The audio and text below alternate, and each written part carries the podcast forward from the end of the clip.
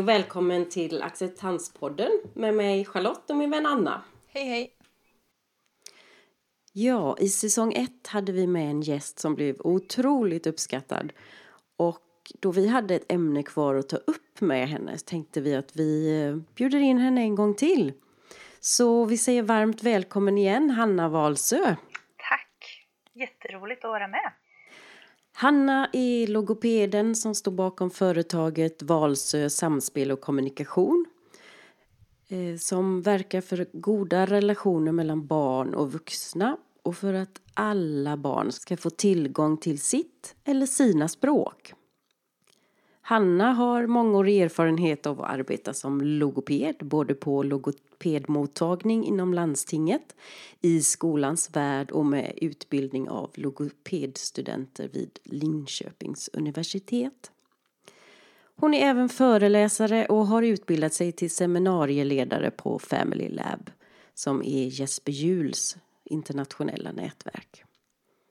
Eh, Hanna, jag hörde dig prata i ett annat sammanhang om språklig sårbarhet. Kan du berätta lite mer om vad det är? Ja, alltså språklig sårbarhet är ju egentligen, det är ju ingen diagnos eller så, utan det är ju mer ett, ett begrepp om hur det är att vara eh, i en miljö där de språkliga kraven är större än din språkliga förmåga. Så språklig sårbarhet kan egentligen alla vara i. Om, ehm, om jag åker till ett annat land och har lite så här, lite, så här, lite kunskaper om det landets språk, men inte så mycket. Ehm, då hamnar jag ju, då är jag ju i språklig sårbarhet för att jag har svårt att uttrycka mig och mm. kan de dessutom inte prata engelska i det landet där jag hamnar eh, och kanske dessutom har ett annat skriftsystem än vad jag är van vid, då kan jag ju ganska lätt känna mig ganska lost, eller hur?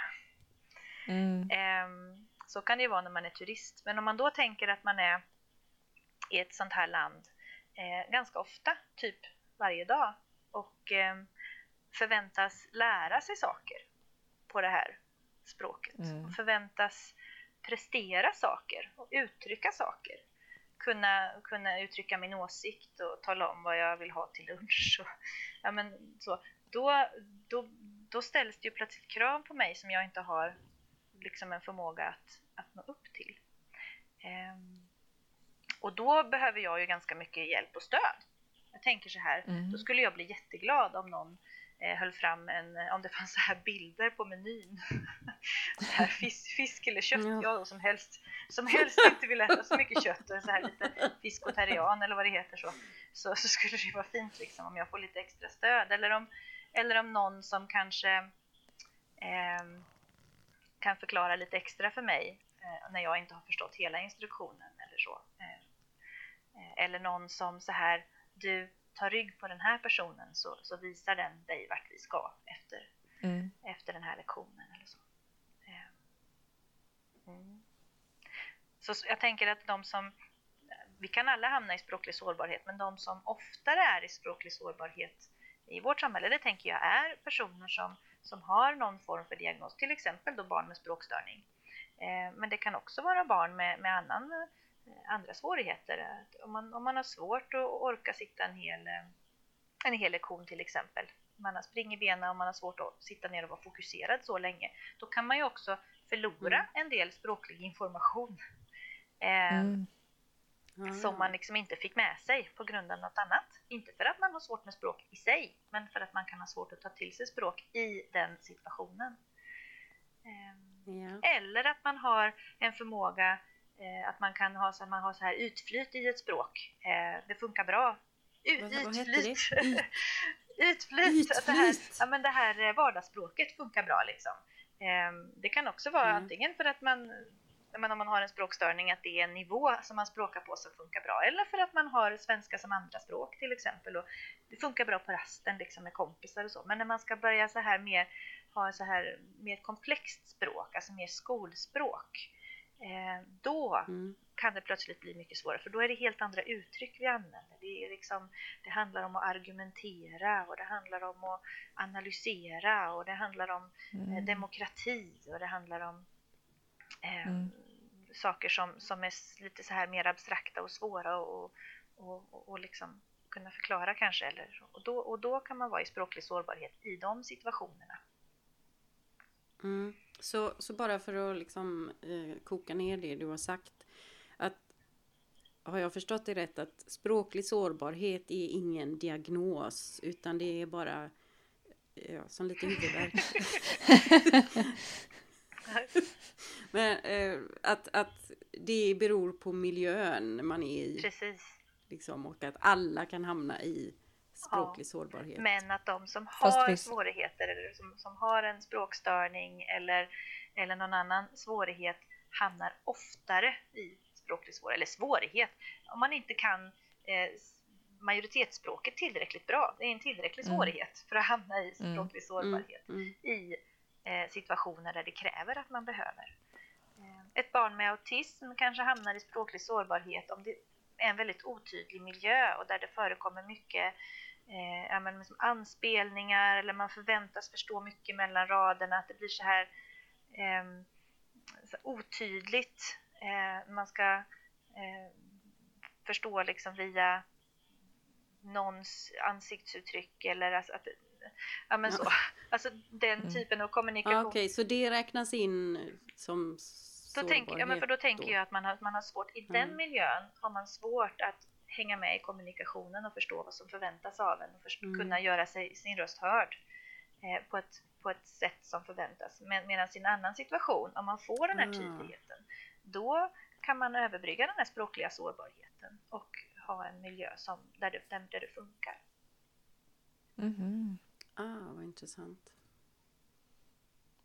Ja, det var jätteintressant. Och jag har inte riktigt hört... Eh, pratar man, I vilka situationer brukar man prata om språklig sårbarhet? Finns det speciella...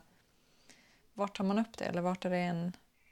Stor... Eh, jo, men språklig sårbarhet är egentligen ingen vedertagen så här term kanske. Eh, men det var en, en logoped som har skrivit en bok som heter Språklig sårbarhet i förskola och skola. Eh, och jag tror att det kommer mm. därifrån faktiskt. Jag kan ha fel. Eh, hon heter Barbro Bruse. Och sen är det några medförfattare där också. Men just, just att man pratar om att eh, om man till exempel då har en språkstörning, att den visar sig inte i alla situationer utan den visar sig i vissa situationer just och att det handlar om att eh, när, den, när situationen när kraven i situationen överstiger förmågan. Och just också att Eh, Eh, som logoped så möter man ju barn i skolan som inte har en språkstörning men som är i språklig sårbarhet. Och att den gruppen elever som faktiskt är i språklig sårbarhet är ju långt fler eh, än eh, gruppen som har språkstörning. Precis som vi pratade lite grann om, om tidigare, det här med att vissa, alltså 5 av, av barnen uppfyller kriterierna för ADHD men sen finns det ytterligare ett gäng som har svårt med det ena eller det andra kanske eh, och som också behöver stöd. Och så tänker jag med den här gruppen också, att de här eleverna i språklig sårbarhet behöver också stöd trots att de inte har en språkstörningsdiagnos. Och man kan ha språklig sårbarhet av olika anledningar. Mm.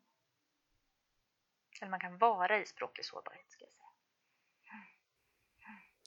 Ja, nej men den kände jag av när jag flyttade till USA och bodde där några år. Eh, hur fruktansvärt. Man tror man kan engelska men, men eh, med hela kulturen och allting man har med sig, hur annorlunda det blir och hur man uttrycker sig och eh, det, under alla de fyra åren jag bodde där så kände jag ju av att jag var i underläge.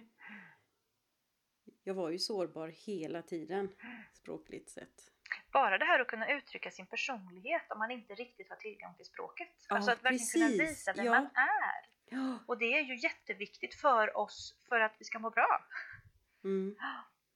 Ja men till exempel för jag, jag använder alltid väldigt mycket ironi, ironi när jag pratar. Eller jag gjorde det då. Och den fick jag ju lägga av med för jag kunde ju inte vara ironisk samtidigt som jag skulle komma på vad orden hette liksom. Och det är ju jättesårbart. Så jag tänker på alla de här uh, ungarna i skolan då som kommer hit och kanske inte har sitt språk. Och så ska man hitta sin plats fast man kan inte uttrycka det. Då måste det ju visa sig på andra sätt tänker jag. Och just att, ja. Frustrationen. I... Och just att man inte bara heller då ska använda språket till att prata, alltså språka med, utan man ska använda ett språk som man inte själv behärskar för att lära Nej. sig saker som man ännu inte kan. Ja, just det. Mm. Ja, ehm, sen har jag en, en, en fråga som ligger väldigt mig, nej, den ligger mig varmt om hjärtat. Det här med att inte tycka om att prata. Hänger det ihop Du tänker om med språkstörning? Ja, just det. Du tänker att man kan prata, alltså man har tillgång till ett språk, man har ett gott ordförråd och man kan uttrycka sig, Mm. men man Mm. väljer att inte göra det. Eller man vill inte göra det. Eller- hatar att prata med ord. Mm. Nej, för nu, nu tänker jag på, på min egen son då som, som vi har pratat om i några avsnitt tidigare. Eh, han, han tycker ju inte om att prata. Eh, han, har, han kan prata och han har ett bra ordförråd. Eh, och han blir ju arg om jag vill prata med honom. Eh, och eh, vad ska jag säga? Då han hittar på tecken för att slippa använda mm, ljud. Eh, att prata med munnen. Men han, så han använder tecken på liksom, men det är ju inte så att han, det är ju det, ja, det, det bästa av två eh, dåliga saker. Han vill ju helst inte ha någon kommunikation överhuvudtaget.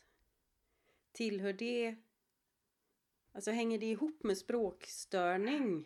Alltså jag tänker att, att kännetecknet för språkstörning är ju just att man har en funktionsnedsättning i, alltså att man har svårt med språk, att hantera språk.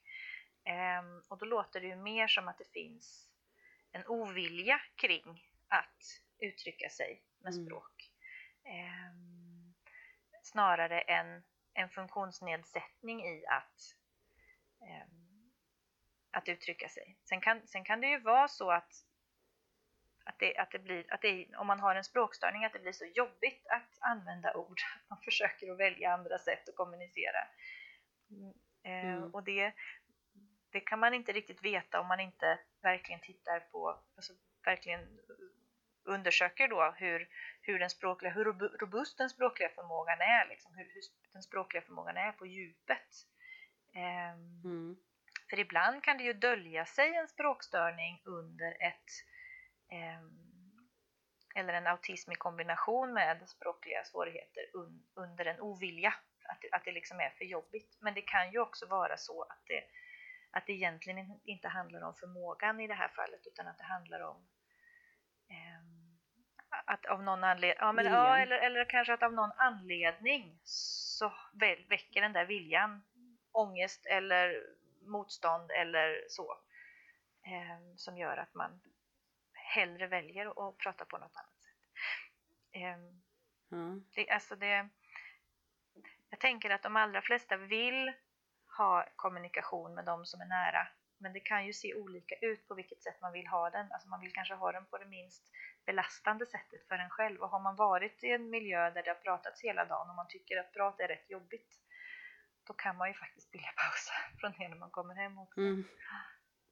Mm. Men det är svårt att uttala sig om den språkliga förmågan om man inte verkligen har tittat på den. Men, men det, jag tänker att det kan ha ett samband men det behöver inte ha det. Så egentligen borde... för- jag är ju inte den enda föräldern som går och undrar. Mm. Liksom. Eh, och det är inte helt lätt att komma i kontakt med logoped. Men bo, bo liksom, rent generellt om man, om man som förälder ja, undrar. Ja. Och borde man be att få komma till en, en logoped eller? Vad- Jag tänker att om det finns en oro, om man, om man upplever att det är så här i, i alla situationer, man har svårt att uttrycka sig, att man har svårt, att, alltså att man har svårt med kommunikationen eller man har svårt att eh, använda sitt språk så att det gör en rättvisa och att det, att det, liksom blir, ett, Mm. att det blir ett funktionshinder. Då tycker jag att man ska, Mm. träffa, man ska träffa en logoped. Om man märker att ja, men det, han uttrycker sig i skolan när han behöver eh, eller han kan skriva och uttrycka sig eller han, alltså att man ser att förmågan finns liksom men att han behöver vila när han kommer hem, då orkar han inte mer liksom. Eh, och Nej. om, om, om man inte, så, man, man märker att man ser att det fungerar men och man förstår lite grann varför man väljer bort i andra situationer. Ehm, och det är inte om det inte är ett bekymmer, om det inte, så tänker jag att man, man ska inte göra problem av saker som inte är problem.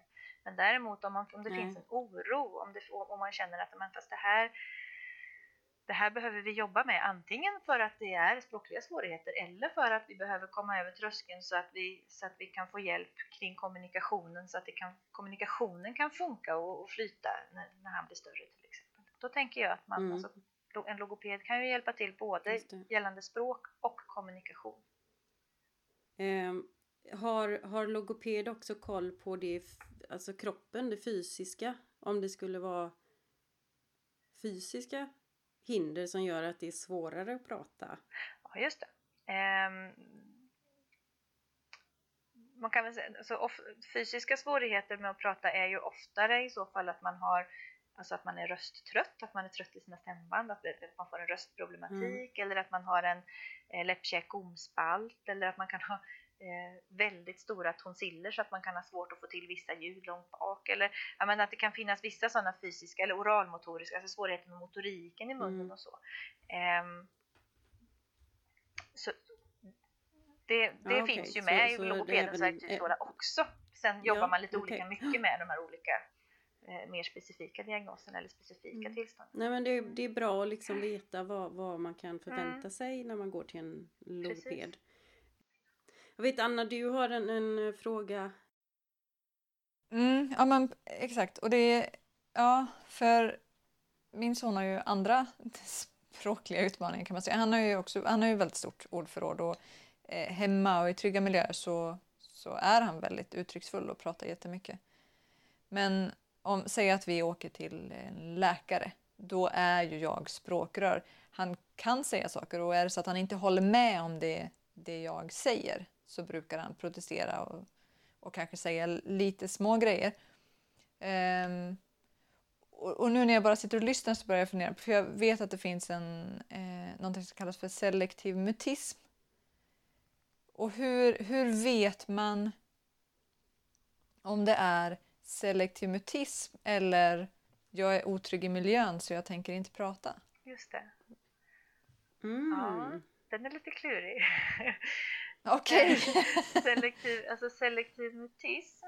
Eh, för, att- för att få en, det, det är ju en diagnos och för att få en sån diagnos så utreder man innan, då, då ska man helst träffa både psykolog och logoped. Ehm, och då utreder man, för, det är också lite grann för att se så att det inte finns andra förklaringar till eh, varför man inte pratar i vissa situationer. Jag vet att till exempel autism ehm, Mm, är inte helt ovanligt att man har det beteendet och då, då mm, brukar man nog inte kalla det för selektiv mutism. Men om man inte har andra svårigheter eh, utan Mm. mer det här att man pratar obehindrat i vissa miljöer men blir helt tyst i andra miljöer. Ofta är det ju då på förskola eller på, i skolan eller mm, tillsammans med vuxna i skolan när man kanske pratar med barn. Eller att det, alltså det här med att man pratar i vissa miljöer men inte andra. Eh, Det är, om man inte har de här andra, några andra svårigheter, då eh, mm. pratar man om selektiv mutism och det är ju egentligen en ångestdiagnos. Eh, Okej. Jaha. Så det är mer, kan man, är mer ihop med det här, eh, alltså att man kan tänka mer kring eh, social fobi eller liksom den, den delen att, att man får, att man i vissa situationer låser det sig helt och de barnen eh, brukar man säga, de barnen vill prata men de kan inte. Mm. Alltså de, de, de går i baklås, de kan inte. Så då hänger det ihop med språklig sårbarhet på ett sätt fast en väldigt extrem form av språklig sårbarhet? Absolut, kan man Mm. säga. Mm. Och där, jobbar, där får man jobba på ett lite annat sätt. Där, där kanske det inte är eh, så bra att sätta in tecken som stöd till exempel. Det, det, det är bra att försöka få igång en kommunikation. De här barnen kan ofta frysa helt i vissa situationer. Alltså att de Mm. liksom bara stänger av helt. Att man liksom inte ens kanske Mm. nästan får kontakt i, i, i Mm, riktigt jobbiga lägen. Eh, att de inte ens liksom ger svar på ja och nej utan att de slutar Mm. kommunicera. Så att det är klart att Mm. det viktiga är ju att försöka trygga och hitta, hitta sätt att de kan kommunicera liksom, viktiga saker. Behöver gå på toa eller liksom, har gjort sig illa eller så.